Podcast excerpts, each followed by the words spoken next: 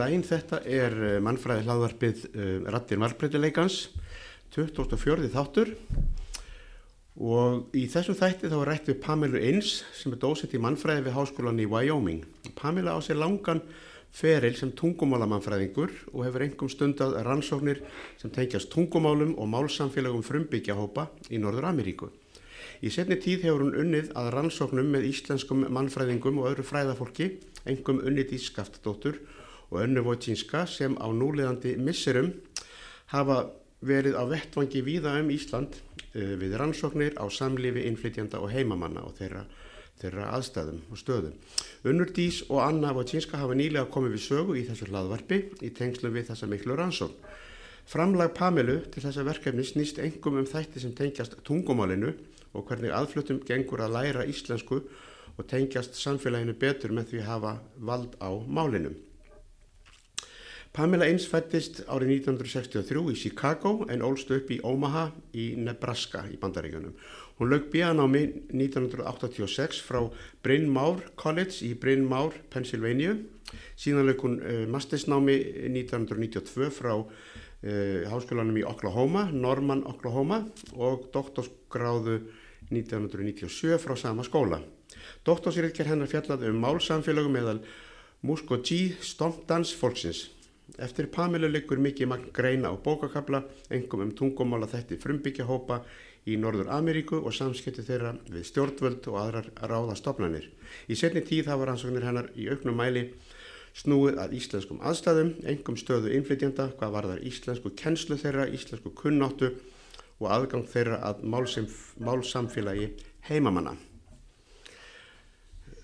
Góðan daginn, Pamela. Góðan daginn. I, I think we should conduct this interview in English, even if I know you have, you speak Icelandic. Já, það er betur fyrir mig. Yes, so, so, so, but I said góðan daginn and velkomin. Já, takk, takk kærlega. I want to start, as we usually do, by asking you why anthropology? What brought you into anthropology in the first place? Well, I am very, very curious about people, just generally. Mm -hmm. And I love learning about what we do, why we do it, how we do it. And anthropology is a perfect place to go for somebody who is that curious about humans and human beings, I think. We study everything from our far beginnings to where we are now and where we might go. Mm-hmm. And I just, that just keeps me interested and always curious. Mm-hmm.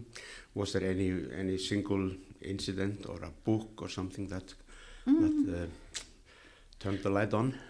Well, I, I think really it was that um, growing up in Nebraska, mm-hmm. there are many Native American populations around, and I was very excited by learning about them being so different from my upbringing. And that just got me interested, and then from there, I learned more about other anthropology sites and mm-hmm. theories, and yeah, I, I just couldn't stop myself. Mm-hmm. and um, um, and and and why uh, why did you decide to focus on linguistic anthropology? Uh, which here question. in Iceland is, is it's not as you know it's not taught here, mm -hmm. so yeah. it's a bit foreign to us. Yeah, it's unfortunately I think it is one of the least well known and least practiced areas of anthropology, although very important because we use language to do so much and as we were chatting before we began recording, we kind of wouldn't be human really and have everything that we do, all of our cultural hmm. practices, mm. if we didn't have language. Mm. And um, so I think it is very important to study. But I first got interested in it because my family was always playing with language. Mm. And I was always encouraged to try writing, create poetry, um, do verbal art. And that got me interested in what we can what we can manage through language how we can play with it what it means to ourselves as individuals but also other people and the way that we engage with others and interact with others. And it just seems such an important part of life in in my upbringing that it was a natural way for me to go. And then I learned about how endangered many of the Native American languages are. And I thought that could be a good place to put my efforts to assist with programs, um, assist with creating uh, textbooks and learning materials, uh, work with older speakers and help to record the languages. And so I, I initially began doing that. Um, but that then got me interested in just language teaching and language learning processes in general. And then also how the state or governmental organizations and, and uh, practitioners can affect the transfer of language and the value of language. And through a long process that has brought me here, where I'm investigating how immigrants and immigration are connecting in with Icelandic language teaching, uh, Icelandic language learning strategies, um, and then also the construction of the Icelandic Republic and, and people's thoughts about the social value of the language and its position. So it's been a long and winding road, mm-hmm. uh, very interesting for me, mm-hmm. but always coming back to this question of language. Yes, so there is a direct link from where you started and yeah. to where you are today. But this seems to this seems to to have a very quite strong uh, political dimension. It does, yeah. Uh, because it's about the the relations between minority groups, whether they are Native Americans or immigrants in Iceland, mm. vis-a-vis the the state or the majority mm -hmm. culture. Mm -hmm. Well, I think.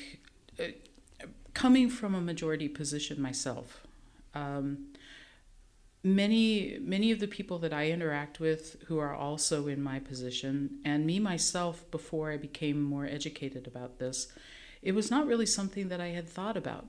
You know, my language was not endangered. My language was the majority language. Um, it was it was a reasonable at that time expectation that within the United States people would speak English. I mean, you know, it just sort of went without question. But then times have changed.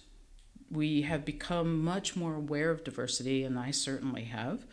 And then you've got the question of not just cultural diversity, social diversity, racial diversity, but also linguistic diversity. And that is governed. That does get mediated by governing bodies who want to see that there is a linguistic social order that people are become comfortable with and fit within. And so the question of who gets to make the rules, what do those rules mean for everybody in society, uh, where minority communities or some communities are uh, affected by those rules? How are those rules regulated and, and legislated and um, actually enacted? And what effects does that have? Those are all very important questions, I think, particularly at this time when we are seeing huge amounts of population movement. We are seeing strife and warfare arising because people perceive others as different, partly through linguistic means. And so paying attention to this and being aware of, of how people envision language within a sense of who belongs, who is different, how do we how do we maybe make people belong or allow people to belong? Mm-hmm. It, these are all very important questions, I think. Mm. So it's it can be a struggle for uh, for the for minor, minority groups to to uh, to you know to maintain their you know cultural identity of, you know of which language is a huge part. So they, they it's been a struggle. I mean uh, to because I imagine that sometimes the the the, the authorities are maybe not so keen on yeah. supporting yeah. it because it's not in their interest. Yeah. Um, well, I was just reading the news about the Australian election mm. which has just happened, and there's been a change in the government. Mm-hmm. Um, but one of the things that they are now concerned about is the fact that some people, when they were marking their, their voting ballots, did not under, seem to understand the rules of how exactly you mark mm. the vote that you want so that it would be counted. And there is concern because many of these kinds of votes are coming from very racially and linguistically diverse areas of the country. And so one of the questions is is information being made available sufficiently to people in their native language to understand how to vote as an Australian? Mm-hmm. And you know, it's things as simple as that. If you don't have materials and information in a, a form that people understand through their own language, then you may lose or actually disenfranchise and make unable to vote certain entire segments of the community. Mm. You know, and this seems to be vitally important. Yeah, and that might also be tied up with, uh, uh, you know, inf informing people before elections, Mhm. like here in Iceland. You know, they have rec- very recently uh, elections here, Mhm. Yeah.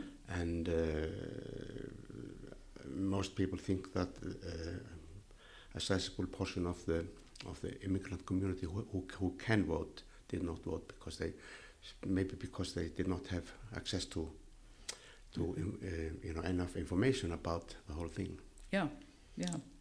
So it and it can be v- basic information about when when is the day to vote, Mm. where do I go to vote, how what information do I have to bring, you know, Mm. my my uh, passport, my Mm. driver's license, Mm. um, to just the basic steps of how how do you get your ballot and and mark it correctly, Mm. you know. And these seem to be very simple things that Mm. probably many people would think just are natural. Mm. You've grown up in the midst of it, Mm. you know? Do you think that could, could sometimes be deliberate? Because now we know that uh, you, we talk about uh, you know voting voting fraud all Mhm. over the place. You know voting machines that are, that are fixed and things like that in certain areas. You know, for example, in the states, hmm to uh, to make it problematic or difficult for you know some minority groups to participate. Yeah, I think, well, it, if you know that there is a, let's say, a 5% of the population speaks uh, Kiswahili, Mm-hmm. and you do not provide information in Kiswahili, and you know that they are only coming into that information through a second or even a third language for Mhm. them, Mm. We can be fairly sure that in many cases there will be loss of information Mm. or misunderstanding. Mm. And if you are somebody who's organizing the vote and you decide not to provide information in Kiswahili, Mm. you know that you are affecting Mm. some amount of that 5% Mm. of your local voting public. Mm. And so, y- yes, I think there could be sometimes conscious decisions Mm. not to serve, but I I'll be a little more trusting of, of the voting regulators than that, Yeah. um, and suggest that maybe it's just lack of awareness sometimes. Mm. Yeah. So, uh, so when you were doing your research among the native native groups in in in America, how was it a long, were you, was it a long time in you know field work and all that? Yes, it Yeah. was. Um, it took me seven years to complete my master's and then my, my doctoral degrees. Mhm. And during that entire time, I was working with the Muskogee. Mhm. So that was seven years, and then there was at least another mm, another seven that I was continuing to be act very active with people in the community. So it's about fourteen years Okay. with those with members of that community. Um, those ties have since diminished, Yeah. yeah. um, and there have been you know deaths and and Mm. people leaving us that way, um, which have made it difficult Mm. for me sometimes emotionally. Um, but since since I've I'm now here and working, um, which has been happening since for the last ten years. Mhm. So yeah, I'm on a second round of very long, intensive Mm. field work here. Mhm. Um, but yes, it. I spend a lot of time getting to know people in the communities where I'm working before I could ever think to say something about them. Mm.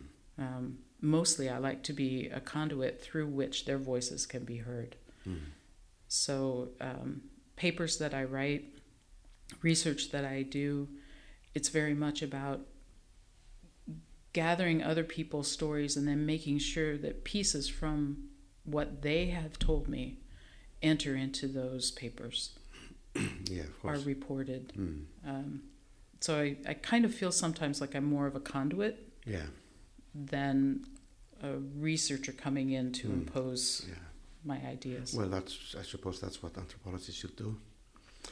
So, so Some uh, might argue maybe not, but you know, the native's point of view, mm, as Malinowski said yeah, 100 years ago. a hundred years ago, yes.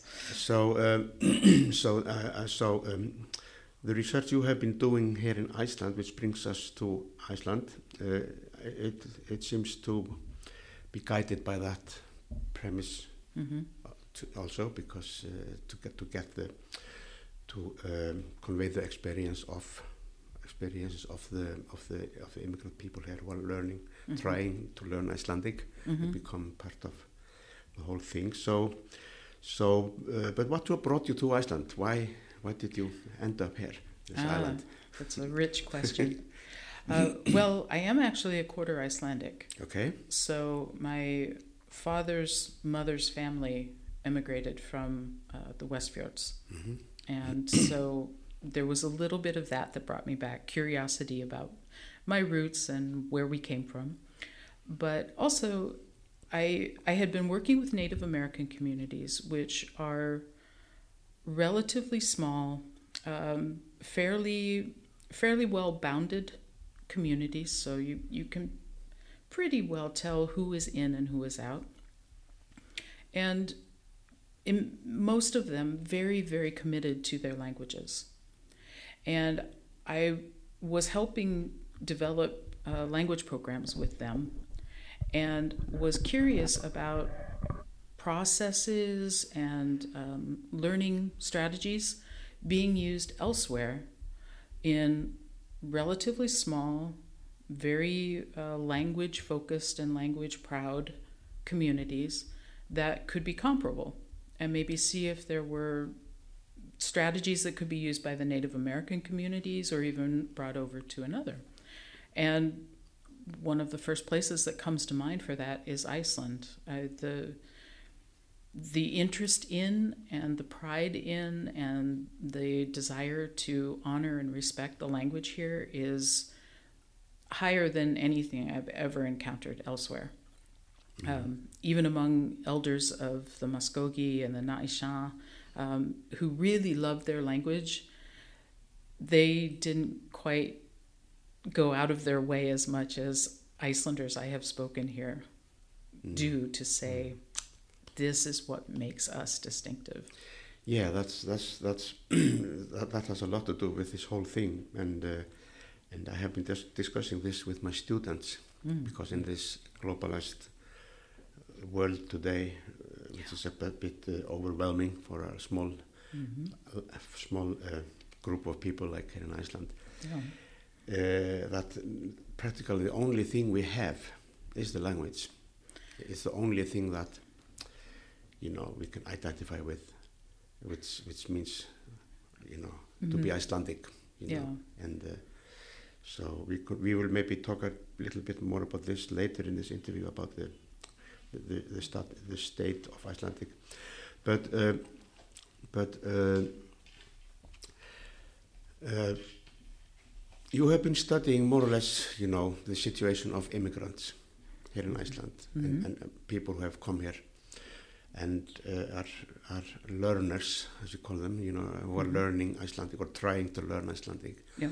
And you have been trying to uh, to make their voices heard Mhm. and uh, you know what what they think about being a foreigner learning Icelandic and uh, and uh, they have some critical crit- critical points about the Yeah. whole uh, you know educational infrastructure and s- things Mhm. like that and Yeah. also and also what happens when they have, have Yeah.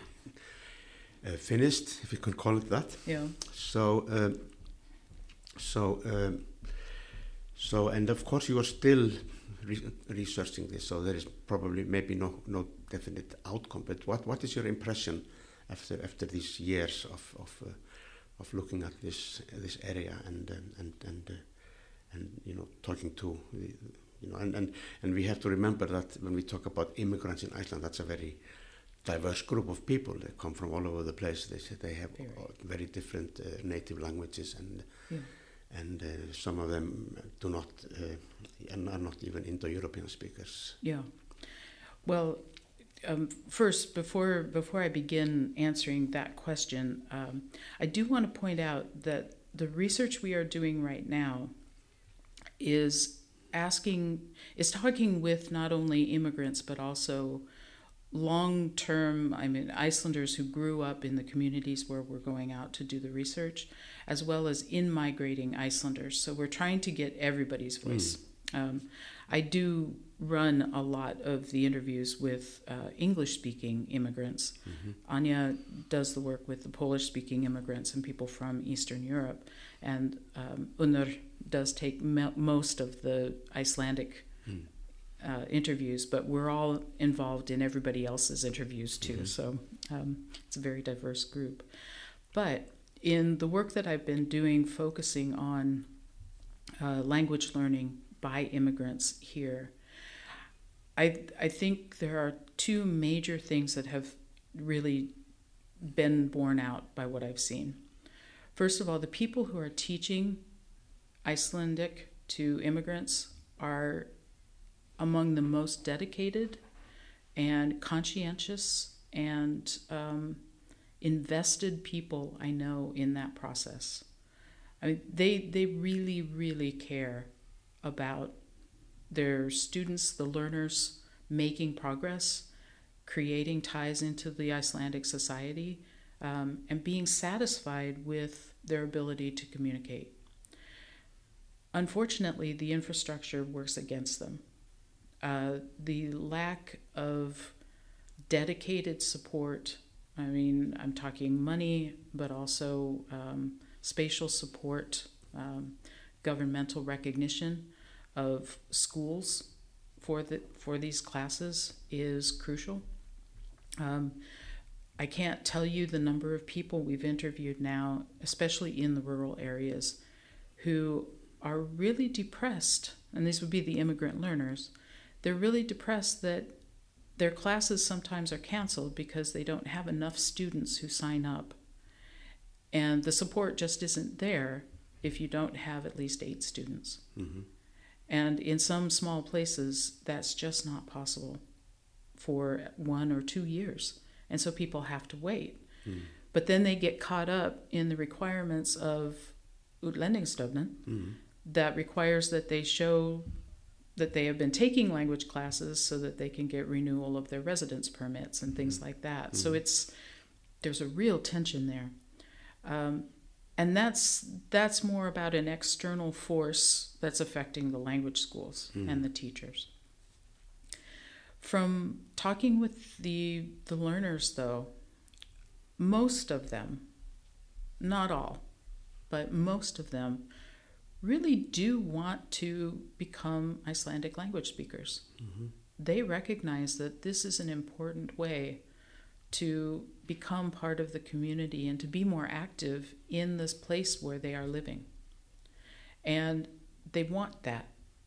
They don't want to just be on the margin and be takers of services and not give back. But sometimes they have difficulty giving back because mm-hmm. The language is kind hmm. seems to stand in the way. Hmm. However, they also say that the welcome that they get has been quite good.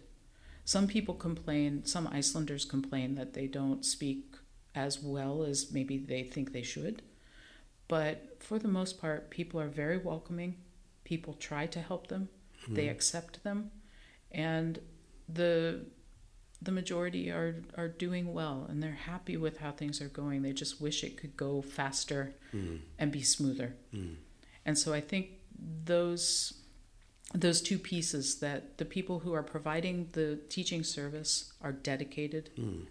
and they want to do this, but there are these governmental or infrastructural constraints. Yeah, exactly. Is I I've found that to be true everywhere, Mm. um, and that for the most part, people who are moving into Iceland do see the value of the language and want to learn it, Mm. but they too are affected by these constraints. Mm. Yeah, well, we, could, we could maybe say that this is this is this is a, Icelandic characteristics in a way that many things are quite disorganized in this country. Yeah. So, which is which is in some situations good, in other situations maybe not so good. Yeah. Well, it's it's like this everywhere where you have these kinds of classes. Um, you know, governments, uh, local governments, national governments, have to make decisions between different topics. And so the question is, if you are in uh, Skagafjörður, you know, is it important to put money toward language classes and serving that community of learners? Or do you maybe want to put more focus on providing music for all students in the region in the school system? Mm. You know, so Yeah, it's it's hard choices sometimes even for the government. yeah, But I think if, if more could come from, say, uh, Parliament mm. And be spread across all of the municipalities, that would be helpful. But you know, something is there. It's just Mhm. not Mm. always secure. And uh, uh, you have talked a little bit about uh, the, you know, immigrants who are studying Icelandic, who have some social ties, who have maybe an Icelandic partner or, or in some way connected to, uh, you know, an Icelandic family or, or people, and uh, and Yeah. where they might have some some some um, you know more incentive of learning Icelandic and and also in that connection, uh, you know, learning a new language is maybe more effective in a maybe an informal social setting than in the classroom. hmm Yeah, but again, there are there seem to be things that come up, um, and I've I've noticed this too. I mean, we are doing it right now. You have switched over to English to accommodate me, Mm. and this happens a lot. Mm. Um, I notice when I am speaking Icelandic and I make a mistake or I hesitate to think of the word, and then all the changes. Um, if I'm speaking with an Icelander who knows English well, sometimes they will just switch Mm. because they know it's easier. It's you Yeah. know everything goes, and there's always the issue of wanting to practice English. Yeah, of course. Yeah. But there's also the social context. I mean, I think because uh, because the reason I we are we are doing this in English because that's your native tongue. You know, I I um, like to think of myself as uh, I understand Danish very well. I speak Danish. I lived there for a long time, but I'm not I, I'm not sure that I would uh, be contact, conducting an interview on you know some Yeah. complex issues in Danish because it's it's more of a I know the street Danish, the the, the, Okay, the, the everyday Danish, but Yeah. it is a different language. hmm So so if we would be talk, we're sitting outside there talking about you know some some you know other things. I mean, I would I would be talking to you in Icelandic. Right. but even when you are in the fish shop ordering fish and you use maybe the wrong term uh, or you say isa when you should say isu, hmm sometimes in some places people will then, the Icelanders will then switch and say, uh, you know, mm-hmm. that's your, you're speaking Icelandic, that's mm-hmm. nice, but you're doing it not quite right. I'll, mm. I'll just speak mm. to make it more easy for you mm. instead of thinking, okay, you're making mistakes, but you're trying. Let's keep going in Icelandic. Mm-hmm. Although some people do that. So, you know, there's this mix.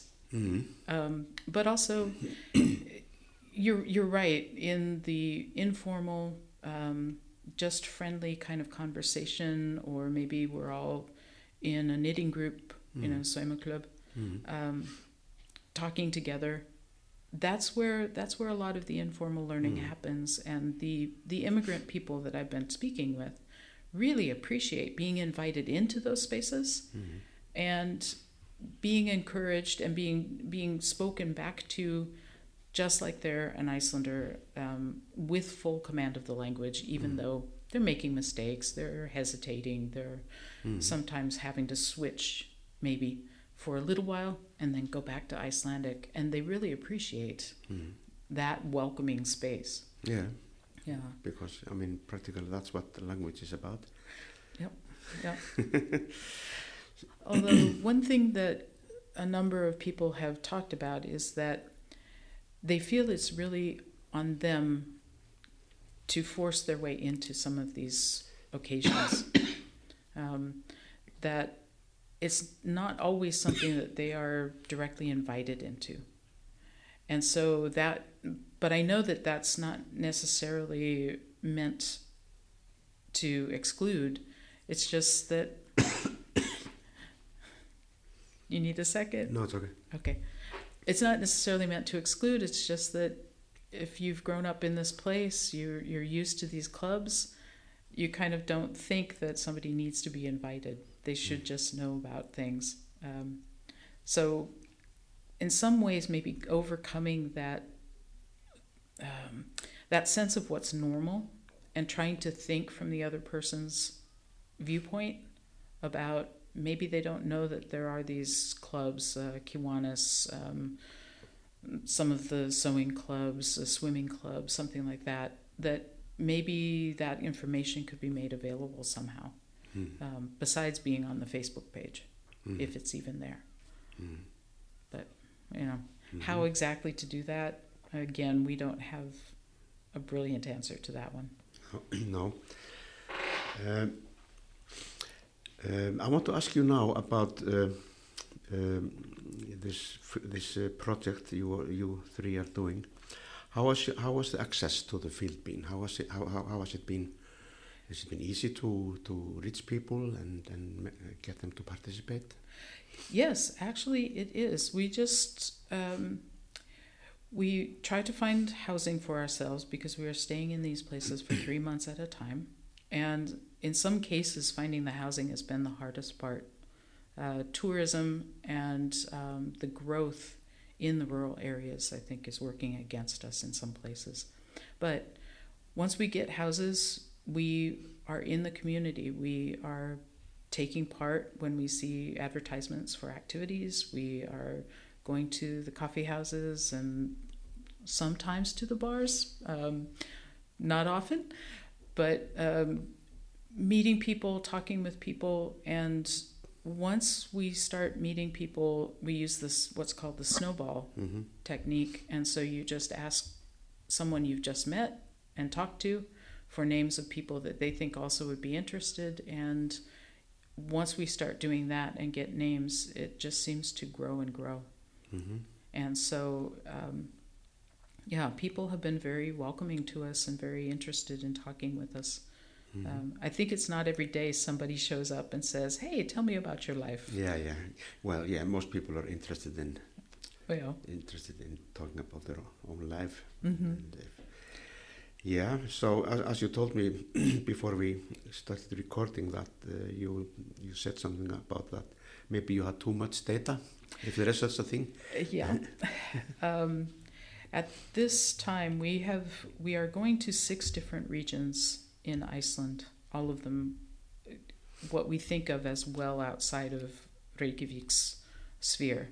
So these would be places where people are obviously not commuting back to Reykjavik every day for a job or something like that. Um, we have been now to four of them, so we have two more to go. And we've been in four, and we have, at this point, about 270 interviews that we have done. And each of these interviews lasts for usually one to two hours. Mm-hmm. Each of them needs then to be transcribed, which can take sometimes Mm. four to six hours on top of for every hour of interview. So a two hour interview would take six, 12 hours Mhm. maybe to transcribe.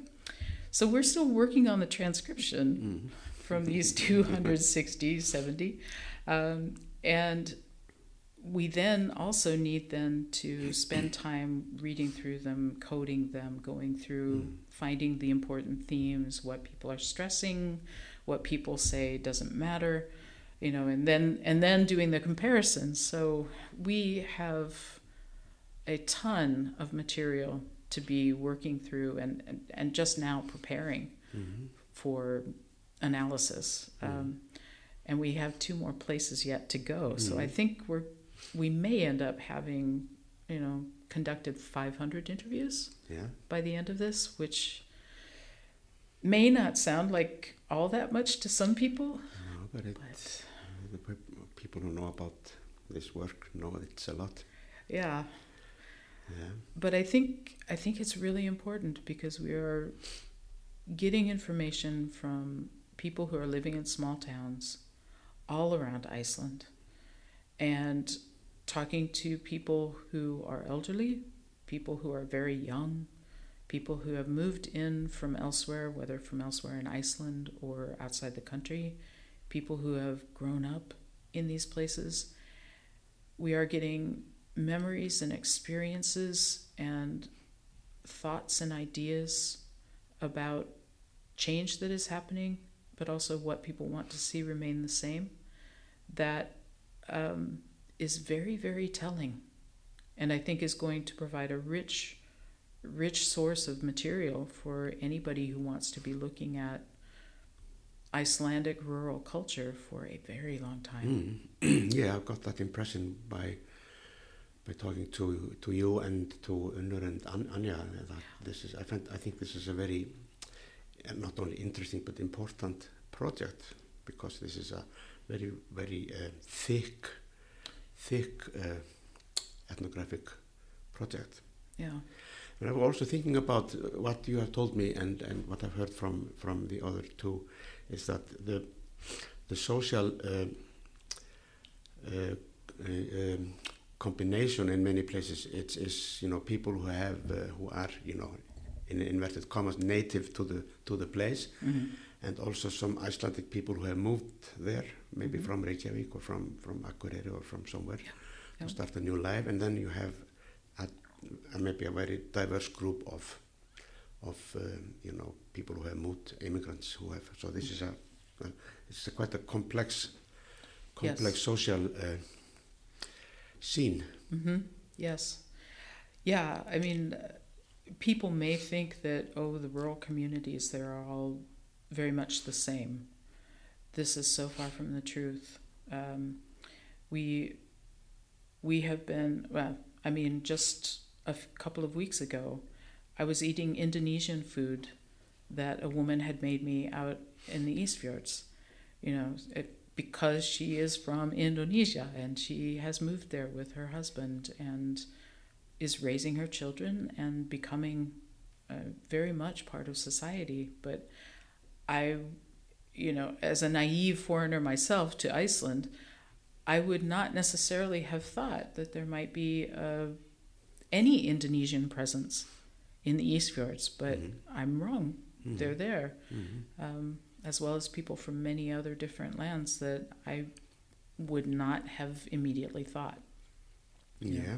there was a there was a, an Indonesian community some years back I knew of in uh, in uh, in Suðurnes around Keflavik and there, hmm and then some of them moved moved somewhere else to Reykjavik and some other places, and Yeah. uh, so these these I mean it was a it was not a big community, but it was because I I I met them uh, after Ramadan Uh huh. Yeah. when they were coming to the Eid hmm celebrations, Yeah. and but, but outside of that I, I, I, I never I never saw them, but I knew I knew they were there.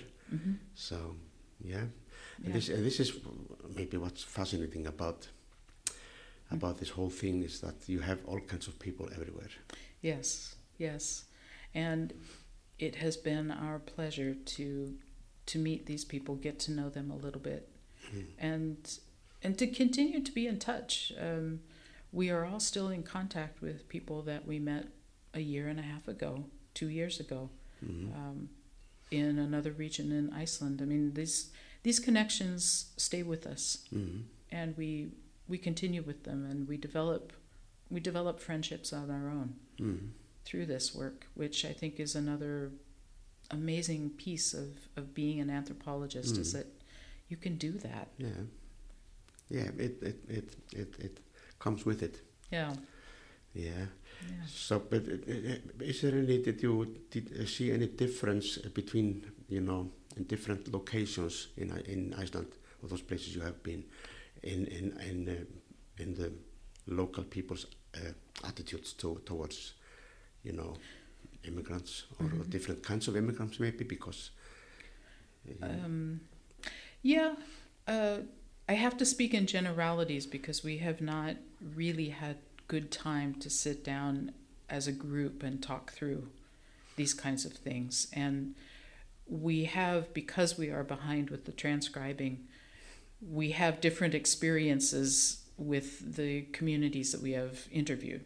so, um, this, please take this as tentative, but yes, in the, the people I have interviewed and been in the interviews with, there do seem to be some differences. mhm. Um, within the area of the West Fjords where we were, um, there seemed to be a great deal of desire to have people come in Mhm. and kind of build up the community, be innovative entrepreneurs, you know, um, add to the educational mix, those kinds of things, and and there was actually a dedicated sense that people should be welcomed and also made to feel like staying there would be good. Um, and that was basically for anybody who would come, Mhm. no matter their background. Although the people, the communities that were being reached most were upper middle class to upper class uh, Europeans and Americans. Mhm. Right. Um, in another place here in Iceland, uh, actually two of the other places we have been, there was there was some amount of welcoming um, of again Northern European people Mhm. very much, um, who were intending to stay long term.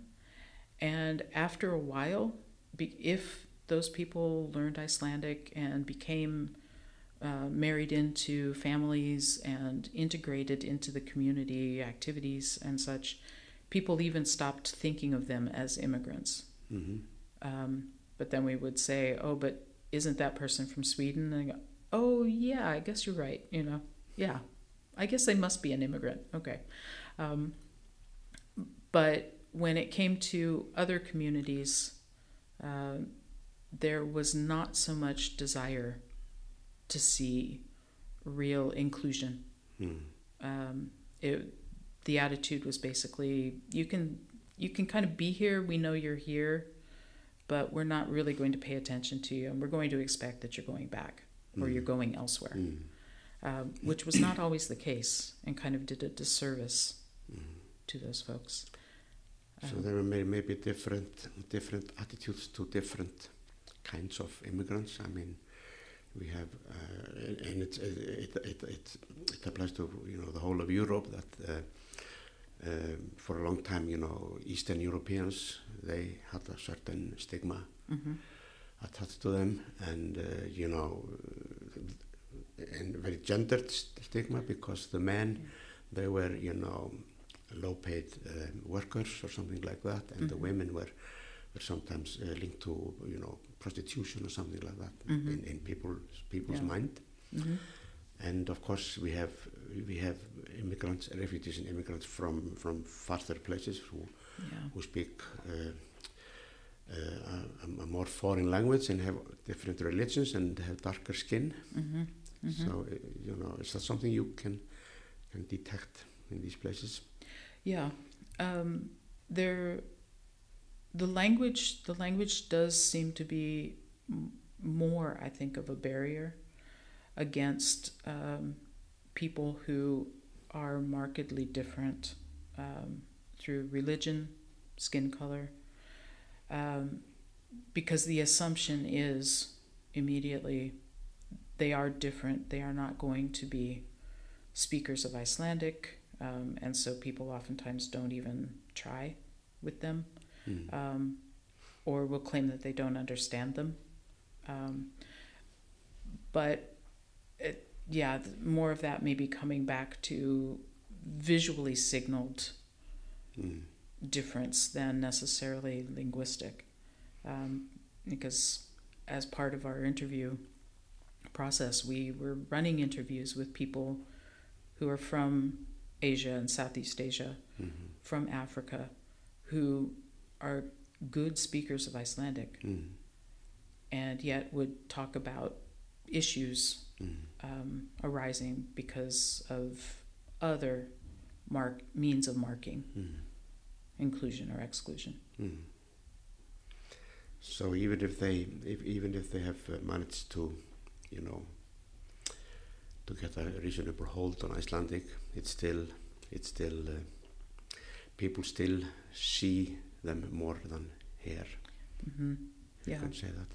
Yeah, um, but I think that is true most everywhere as well. Yeah, of course. That is not. Of course, it's not. It's not unique to Yeah. Iceland. So that's because um,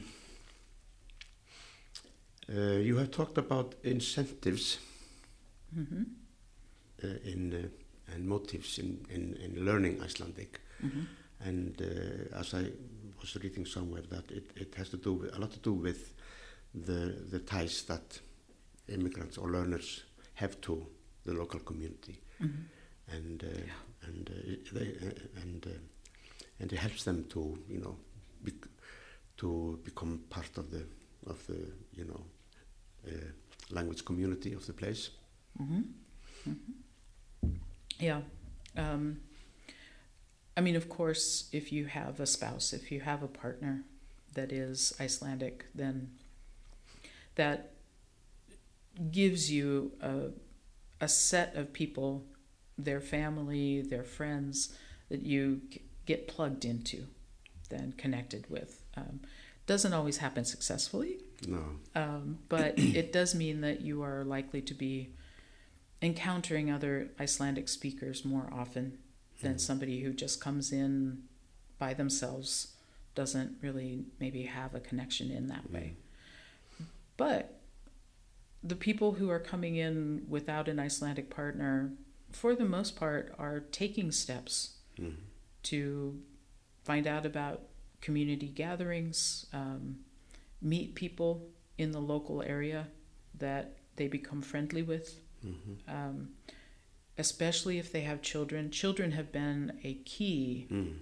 in many of the interviews for people coming in and being, yeah, being creating connect, connections Mhm. through school, meeting the, the parents of other children's um, families, uh, being involved in by the teachers in activities, um, you know, having learning from their kids as their kids are picking up Icelandic Exactly, in the schools.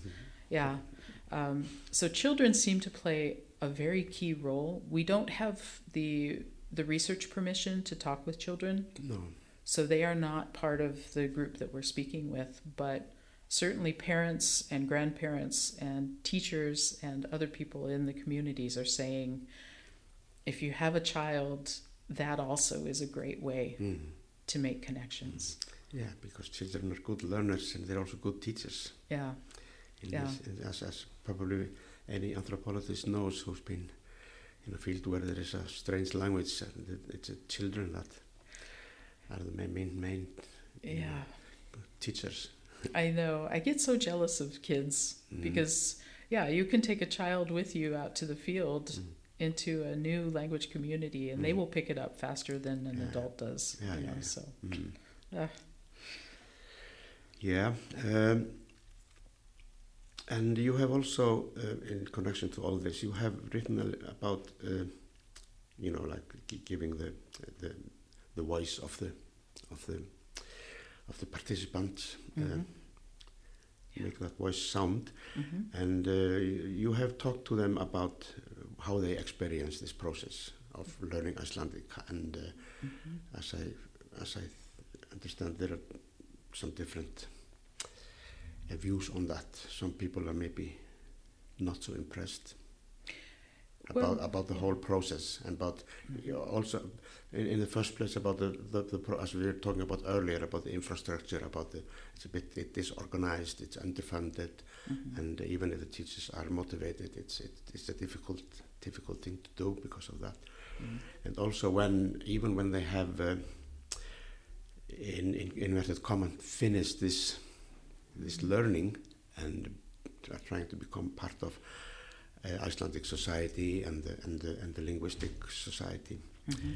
uh, uh, they still they're still excluded in some way because they have some accent or they talk Icelandic in Mhm. you can yeah, you can and I think and I know that the Icelanders are very are very uh, hooked up on this that that when people you know speak you know um, do not speak correct Icelandic what, whatever that is Yeah. which is maybe something people are starting to contest today Yeah. Although I think um, I have I have been in the situation uh, in these rural areas, but also here in Reykjavik, where people don't concern themselves so much with the correctness Mhm. of the language, um, and and I'm speaking about Icelanders here. Mhm. They really do get much more interested in understanding and communicating with the other person rather than worrying about should that have been you know in in the dative or oh that that should have been in the accusative you know um, it when people really are are seeing the other as a human being that they want to get to know Mhm. for many that flies out the window Mhm. um, it seems to be more people who are looking in and, and are not part of the making the connection with the other person who are worried about whether they are speaking well. Mhm. Um, another thing that has come up interestingly in some of the rural areas is that Icelanders will say, well, you know, people from Reykjavik say that we do not speak well. Hmm. You know, our language is different. We're we're not speaking correct Icelandic. Mhm. In which case, um, there many of them feel they're in no position to criticize Mhm. the Icelandic of a learner Mhm. um, because th- I think they know what that feels like. Yeah, and sometimes it reverse because some people, for example, in the northern part of Iceland, they say that the people in Reykjavik they don't know how to speak Icelandic. Yeah, yeah, yeah. So it goes, it runs in many different ways. Yeah. Um, but I, many of the people that I've I've talked with who remember hearing that about themselves, about their community, they they don't often then talk about immigrant learners in that way. Um, so maybe it is an empathy.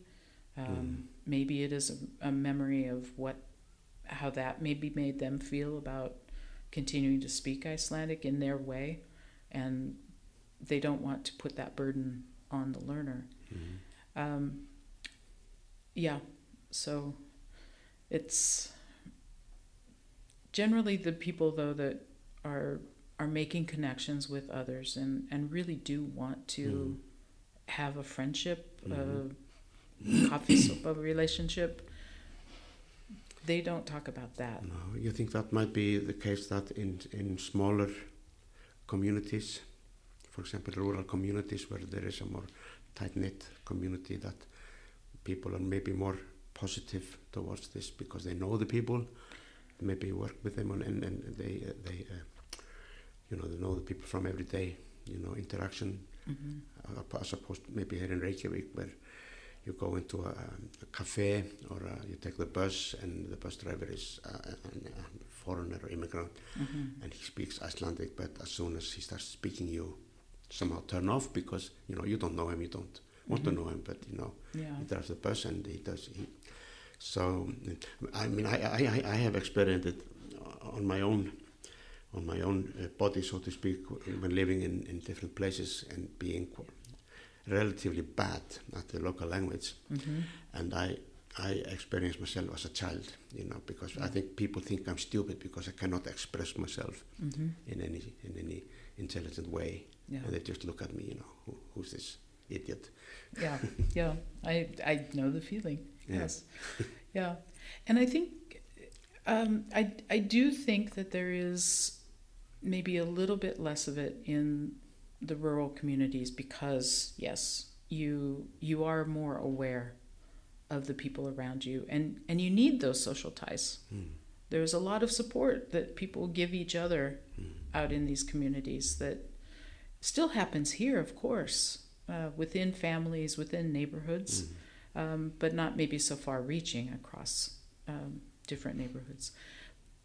But I think when we are talking about general impressions, and you get even people in the rural communities, you start talking to them generally about immigrants learning Icelandic, even then, you can get some people who say, yeah, you know, when immigrants come, they should learn the language, but they need to learn the correct language. Eh, even though they've just been talking to maybe two or three immigrants, and Mm. Things were not always exactly right, Mm. and they were fine with that. Mm. Um, but like you say, it's when you're talking about an unknown, Mm. a generalized person, a stereotyped Mm. person. It can happen anywhere here. Mm. Um, and it can happen within the, the immigrant community too, Yeah, of course. you know? Yeah, of course. As I was, as we were talking about, it's not a, it's it's not a, it's a diverse community. You know, they have also their own, you know, Yeah, uh, dynamic between themselves, yeah. and uh, even between the same group. So that's not. be- That's that's another interview. yeah. But uh, we've been talking about this, you know, you know, Icelandic, and as, as you know, and as everybody knows, that Icelandic is, a, is a, as I said, it's somehow it's maybe the only thing we have as Icelanders to to to identify with as being Icelandic. Everything else is, you know, most of it is American, hmm and uh, or, or some some of some of the some of the Christmas food is Danish. Yeah, and uh, so um, so we don't really have much even even the traditional Icelandic sweater is not Icelandic. You know so Mhm. so if we if we if we start talking about these national these national symbols and all of that. So uh, maybe the the language is the, the last thing standing hmm and and uh, and it's been you know identified with you know uh, you know this national identity with nationalism and even as you probably know uh, 100 years ago or more uh, in Iceland people were talking about uh, Iceland being the the most uh, perfect the, the most uh, exalted language in the world. And there was there was this through the you know the German romanticism and the, the creation Yeah. of the nation state that there was a link yeah. create a link between language and, and cultural status or Mhm. intelligence or whatever Yeah, and there was a famous Icelandic uh, poet who said that Icelandic was the, was the best of all languages ergo Icelandic's uh, the best of people right. Yes. and uh, and uh, so this and this used to be uh, this used to be a very strong sentiment hmm and it's like Mhm. some some uh, something we had to protect and and uh, preserve Yes. but which uh, but uh, we know about language it's not it cannot be preserved Mm. it, it lives its own life Yes. it's a very independent unruly thing yes. and creative thing yes. so Yes. uh, so that leads me to this discussion about which I think you might have followed a little bit this discussion today about Icelandic today where, where is this language going because because uh, linguists as well as teachers have- been talking about the last few years about certain changes that are happening not only uh, uh, you know about vocabulary but also about you know syntax and hmm uh, there's a lot of English Yeah. syntax coming. I see it in my own when I'm as a teacher. hmm The, the, the assignments I'm, I'm reading. It, it just the last two two or three years I've seen a lot. I've seen quite remarkable change, hmm and Yeah. also that some young people they are they sometimes struggles to find their Icelandic words for something, Yes. so they pick up an English word, Yeah. Yeah. and uh, which is one thing. hmm And uh, there was a there was a talking about correct Icelandic. There was a on, on the Icelandic radio, uh, Rouse Eight. There's Mhm. been there is a program which is about words and the language, Yes. and it's quite interesting. Yeah. And and uh, recently they had a a program about uh, teenage language in Iceland, hmm which was very interesting, and and, and uh, it was a it was a, it, how how creative you know young people are with the language, Yeah. you know. Well, I think um, I know that there is a great deal of concern about uh, Icelandic being maintained and continued into the future. Uh, there are, it is a relatively small language, uh, Mm. you know, around 400,000 speakers. So, very general estimate there, but Mm. yeah, close. Um, within the the scope of the world, that makes it a not very large language, but against many other languages that are continuing, granted with um, concern, great concern, but they are continuing with 10,000 speakers Mm. or even 6,000 speakers. Icelandic is still actually on a pretty good spot Mm. um, for total number of speakers. Now, the question about change and how much change is okay, Mm. that is one that I think probably every generation has talked about Mm. ever since we started speaking Mm. two different languages Mm. as humans. Um, because as you were saying, every language is uh, prone to um, forces that cause change, that cause evolution, that make it different. I mean, we know that Icelandic, as it is spoken today, is not exactly as it would have been pronounced as Old Norse. There have Mm. been sound changes Yeah. right? Um, there have been spelling changes if Mm. you want to get Mm. into Mm. orthography. There have been some grammatical changes over time, and we Mm. know that, Mm. right? But now the concern is because there are these other linguistic forces that are from much bigger languages Mm. coming in. Mm. And there's a right to be concerned about how much Icelandic that we know of today will actually remain in the language as it keeps moving forward. But I think with the amount of linguistic pride that is here, Mm. um, some of it based on kind of a false consciousness nationalist Mm. perspective, but also just from the sheer love of the language that I hear and I see Mm. evident through many, many, many people in this society, Mm. through the concern and the steps that are being taken today to address Icelandic language teaching and learning in Mm. the compulsory schools, uh, leikskole.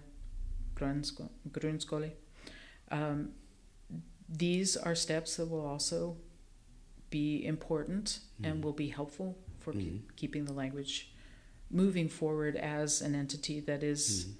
very much based on Icelandic. Mm. Maybe there will be more vocabulary from English.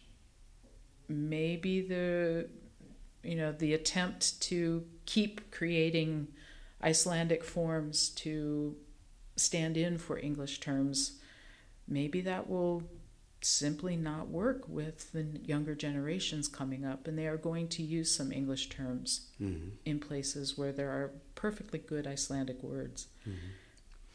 um, but you know things can shift too Yeah, but there, there have been made some effort to to counter this, for example, by um, Mm-hmm. you know the, you know for uh, stuff for for kids on TV. Yep. You know they have been Yeah. they have they have it's Icelandic language exactly in, in most of them, which is Yeah. of course very good. Mhm. And there is talk about the, the this uh, the thing we have on our telephones and our computers that Mhm. which is everything's in English. Yeah.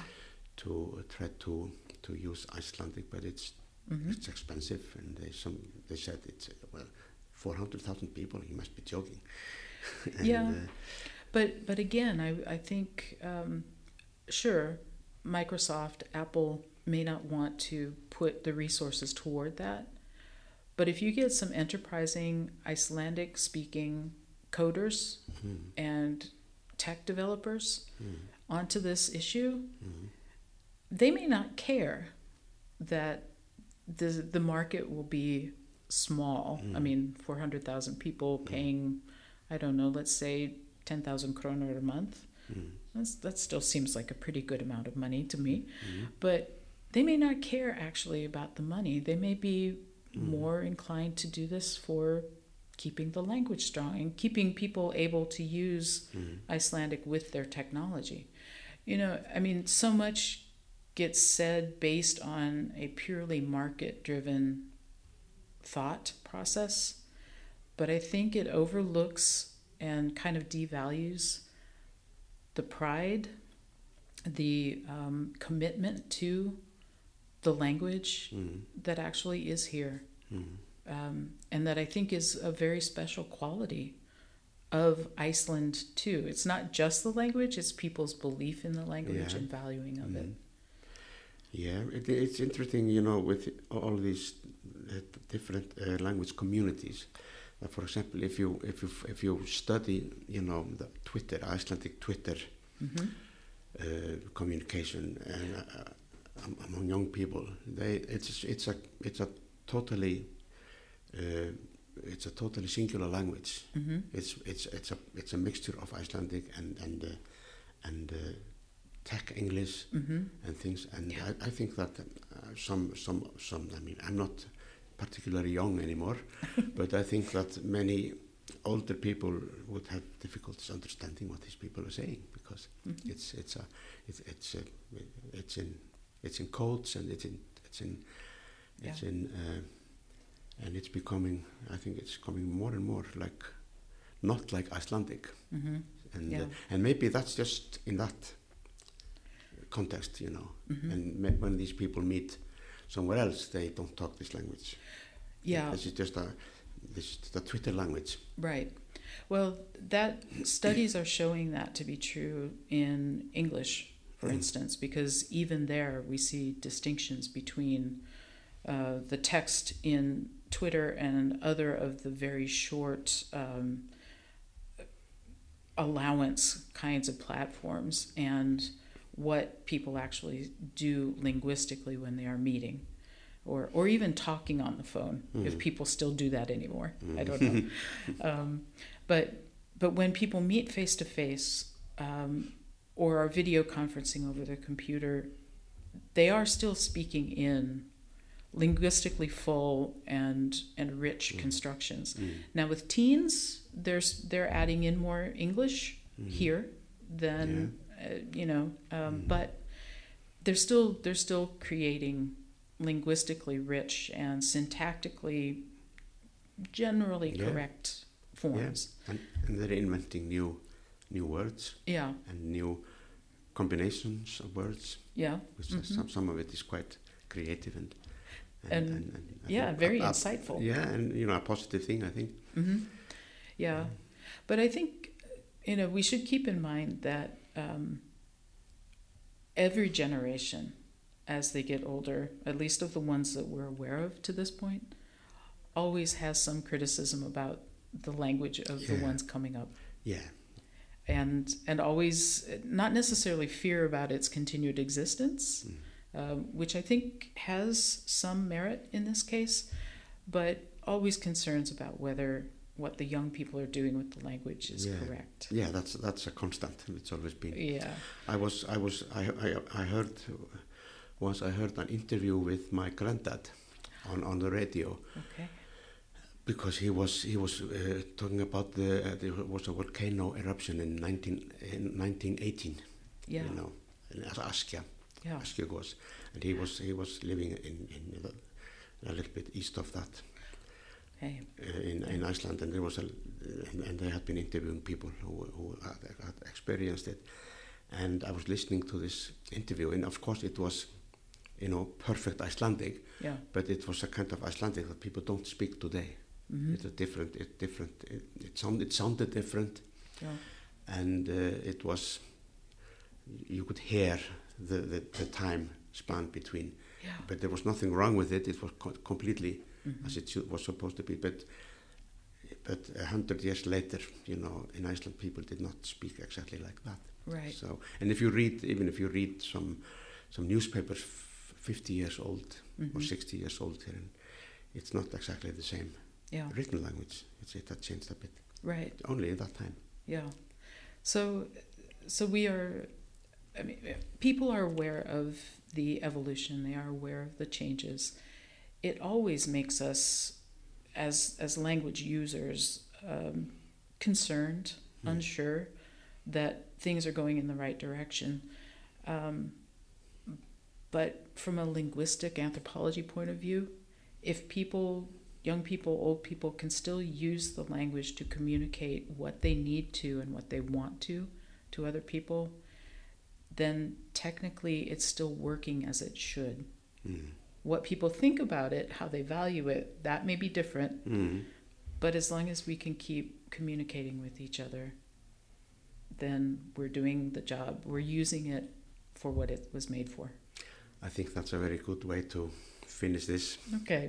Pamela, thank you very much Oh, it has been my pleasure. for this uh, very interesting interview about, you know, probably the most interesting thing about being human, It's I certainly like it. the sound that comes out of our mouth. Yes. Or or gets communicated through our hands. Yeah, and shoulders and eyes. And yeah. Yeah. Okay, thank you very much. Yeah, my pleasure.